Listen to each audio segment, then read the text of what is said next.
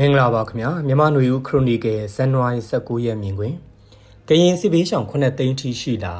2024ခုနှစ်မှာဘာတွေဖြစ်လာနိုင်တယ်လဲလွန်ခဲ့တဲ့3နှစ်တာအတွင်းကရင်စစ်ဘေးရှောင်ဥယျာဉ်9သိန်းထိရှိလာတယ်လို့ KNU ကထုတ်ပြန်လိုက်ပါတယ်ကရင်လူမျိုးတွေနေထိုင်ကြတဲ့ KNU အုပ်ချုပ်ရေးအရာသတ်မှတ်ထားတဲ့ခရိုင်9ခုအတွင်းမှာပြီးခဲ့တဲ့3နှစ်နီးပါးအတွင်းစစ်ဘေးရှောင်အရေးအတွက်တိုးတက်ခဲ့တာဖြစ်ပါတယ်မိမိတို့နေအိမ်မှဆုံးခွာပြီး တောထဲတောင်ထဲသို့မဟုတ်တိုက်ပွဲလောက်ရာမြို့တွေယာတွေအိမ်နီးချင်းနိုင်ငံနယ်နိမိတ်အတွင်းထိထွက်ပြေးတင်းရှောင်ရသူတွေအရေးအတွက်ကိုကောက်ယူထားတာဖြစ်ပါတယ်။ KNU ရဲ့အုပ်ချုပ်ရေးနယ်မြေတတ်မှတ်မှုအရ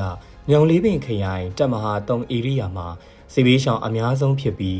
နှစ်သိန်းခွဲနီးပါးရှိတာဖြစ်ပါတယ်။ဒုတိယအများဆုံးကတပ်မဟာ6နယ်မြေ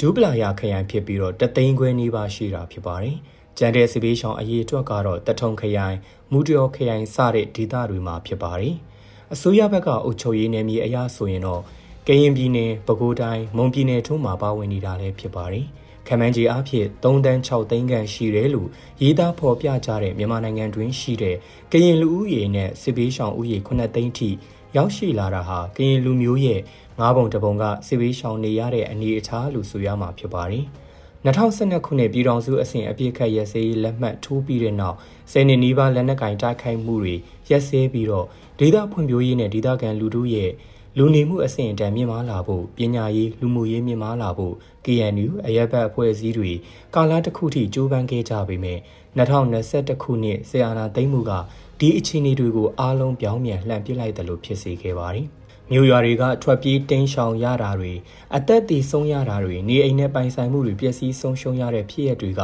တိန်းနဲ့ချီတဲ့ဒေသခံတွေကြုံတွေ့နေရတဲ့အနေအထားဖြစ်ပါတယ်။စစ်ဘေးတင်းရှောင်နေကြရတာကြောင့်ပညာမသင်ကြားနိုင်တဲ့ကျောင်းသားအရွယ်လူငယ်တိန်းနဲ့ချီရှိမယ်လို့ခန့်မှန်းရပါတယ်။မြန်မာတနိုင်ငံလုံးမှာစစ်ဘေးရှောင်နှစ်တန်းခွဲကျော်ထိရောက်ရှိလာတယ်လို့မကြသေးခင်လပိုင်းအတွင်းက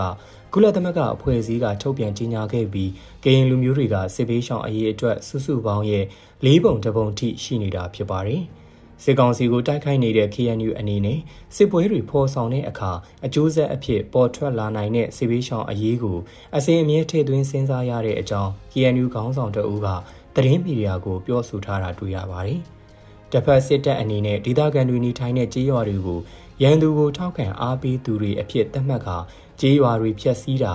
ဒုက္ခကြုံအောင်လေချောင်းကတိုက်ခိုက်တာရန်သူတပ်တွေတင်မကပဲလူနေကြေးရွာတွေကိုပါလက်နက်ကြီးနဲ့ပစ်ခတ်တာတွေလှုပ်ဆောင်လေးရှိပြီးတော့စစ်ပွဲရဲ့အကျိုးသက်ရောက်မှုကြီးမားအောင်စစ်ကောင်စီတပ်တွေကဘီဝါတရက်အနေနဲ့လှုပ်ဆောင်တဲ့သဘောလို့ကောက်ချက်ချရပါတယ်။ KNU အနေနဲ့တစ်ဖက်မှာစီရေးအရာ တိုက်ခိုက်နေစဉ်မှာပင်စစ်ဘေးရှောင်တွေရဲ့လုံခြုံမှုရှိဖို့အရေးပေါ်ရိတ်ခါအကူအညီရရှိဖို့ကိုလည်းတစ်ဖက်ကတာဝန်ရှိနေပြီးတော့ကူညီဆောင်ရွက်ရတဲ့အနေအထားဖြစ်ပြီးစစ်ဘေးရှောင်တွေကိုကုလသမဂ္ဂအဖွဲ့အစည်းတွေလိုနိုင်ငံတကာအကူအညီပေးရေးအေဂျင်စီတွေအနေနဲ့လွတ်လပ်စွာအကူအညီပေးခွင့်လည်းမရှိတာတွေ့ရမှာဖြစ်ပါတယ်။2021ခုနှစ် AB မှာသဘောတူခဲ့တဲ့အာဆီယံရဲ့မူ၅ချက်အနက် လွတ်လပ်စွာလူသားချင်းစာနာမှုအကူအညီပေးဖို့ခွင့်ပြုရေးက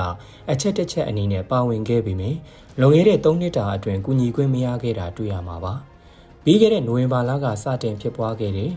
ရခိုင်ပြည်နယ်ကလက်နက်ကင်တိုက်ပွဲတွေမှာဆိုရင် အခြားသောဒေသတွေထက်ပုံမှုဆိုးရွားတဲ့ပိတ်ဆို့ဖျက်တောက်မှုတွေကိုစစ်ကောင်စီကချမှတ်ခဲ့ပြီးတော့လူဦးရေတန်းနဲ့ချီရှိတဲ့ရခိုင်ပြည်နယ်တစ်ခုလုံးကိုအခြေခံစားတောက်ကုန်လူသုံးကုန်လောင်စာစီစီးဝါးတွေ တင်သွင်းခွင့်မပြုဘဲပိတ်ဆို့ထားပြီးလက်နက်ကင်တိုက်ခိုက်မှုကိုတုံ့ပြန်တိုက်ခိုက်နေတာဖြစ်ပါတယ်။ရခိုင်ပြည်နယ်လူဖြစ်စဉ်မျိုးတာရကမျိုးခုဖြစ်ရမတိုင်ခင်တစ်ချိန်မျှမကြုံခဲ့ကြဘူးပါဘူး။အကြယ်ပြန်ဆုံးအတိုင်းအတာနဲ့ပိတ်ဆို့ထားပြီးလူသားချင်းစာနာမှုအကူအညီတောင်မဟုတ်တဲ့ဒေတာတွင်းကုန်စည်ဖလှယ်မှုနဲ့အသက်မွေးဝမ်းကြောင်းမှုကိုပါကန့်သက်ပိတ်ဆို့ထားတဲ့သဘောဖြစ်ပါတယ်။2024ခုနှစ်ကိုချင်းနှင်းဝင်ရောက်လာတာတရင်နှစ်ပတ်ကျော်ရှိလာချိန်မှာ အခုလက်ရှိရောက်ရှိနေတဲ့အခြေအနေတွေနဲ့ဒီနှစ်အတွင်းဖြစ်နိုင်ခြေအလားအလာတွေကိုမှန်းဆကြည့်တဲ့အခါ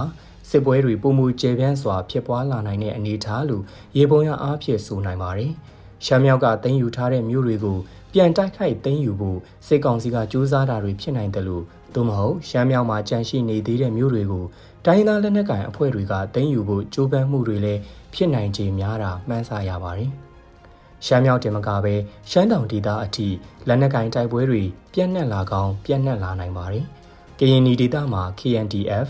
KNPB တို့အနေနဲ့ဖေကုံမိုးပြဲအပြင်ရိုက်ကော်မျိုးကိုသိမ်းယူနိုင်ခဲ့ရင်ဆက်ဆက်နေတဲ့ဒေသတွေကိုနောက်ထပ်တိုက်ခိုက်သိမ်းယူတာတွေဖြစ်လာနိုင်ပါတယ်။ရခိုင်ပြည်နယ်ကအပြင်းထန်တိုက်ခိုက်မှုတွေကတော်ရုံနဲ့ရက်တန့်သွားဖို့မမြင်သေးတယ်လို့ချင်းပြည်နယ်နဲ့ကချင်ပြည်နယ်တို့မှာလည်းလက်နက်ကင်တိုက်ပွဲတွေပုံမူကျေပြန့်လာနိုင်တယ်လို့မှန်းဆရတာဖြစ်ပါတယ်။ ခြုံပြီးကောက်ချက်ချရရင်2024ဟာတိုက်ပွဲတွေပုံမူကျေပြန့်လာပြီးစစ်ကောင်စီတပ်တွေရဲ့ထိန်းချုပ်မှုဧရိယာတဖြည်းဖြည်းကျဉ်းမြောင်းလာနိုင်တယ်လို့မြို့တွေယာတွေလည်းတိုက်ပွဲတွေအတွင်ပျက်စီးဆုံးရှုံးမှုတွေပုံမူကြုံတွေ့လာရမယ့်အနေအထားဖြစ်ပြီးတော့စေဘေးရှောင်အရေးအတွက်ကထပ်မံတိုးမြင့်လာမယ့်အနေအထားကထင်ရှားနေတယ်လို့ဆိုရမှာဖြစ်ပါတယ်။ ဒါအပြင်ဗမာလူမျိုးများအခြေပြုနေထိုင်တဲ့ဒေသခံတွေရဲ့လက်နက်ကင်တော်လန်ရေးတပ်ဖွဲ့အင်အားတွေပြန့်ကျဲနေတဲ့စကိုင်းမကွေးဒေသတွေမှာလည်းစစ်ကောင်စီတပ်တွေကအမြင့်စစ်ကြောင်းထိုးဖျက်တောက်တိုက်ခိုက်တပ်ဖြတ်မှုတွေကျူးလွန်ပြီးတော့တော်လန်ရေးလက်နက်ကင်အင်အားတွေစူးစီးမလာနိုင်အောင်အစွမ်းကုန်ဆက်လုပ်မဲ့ viewer တွေလည်းရှိနေတာမြင်နေရပါတယ်ခင်ဗျာ။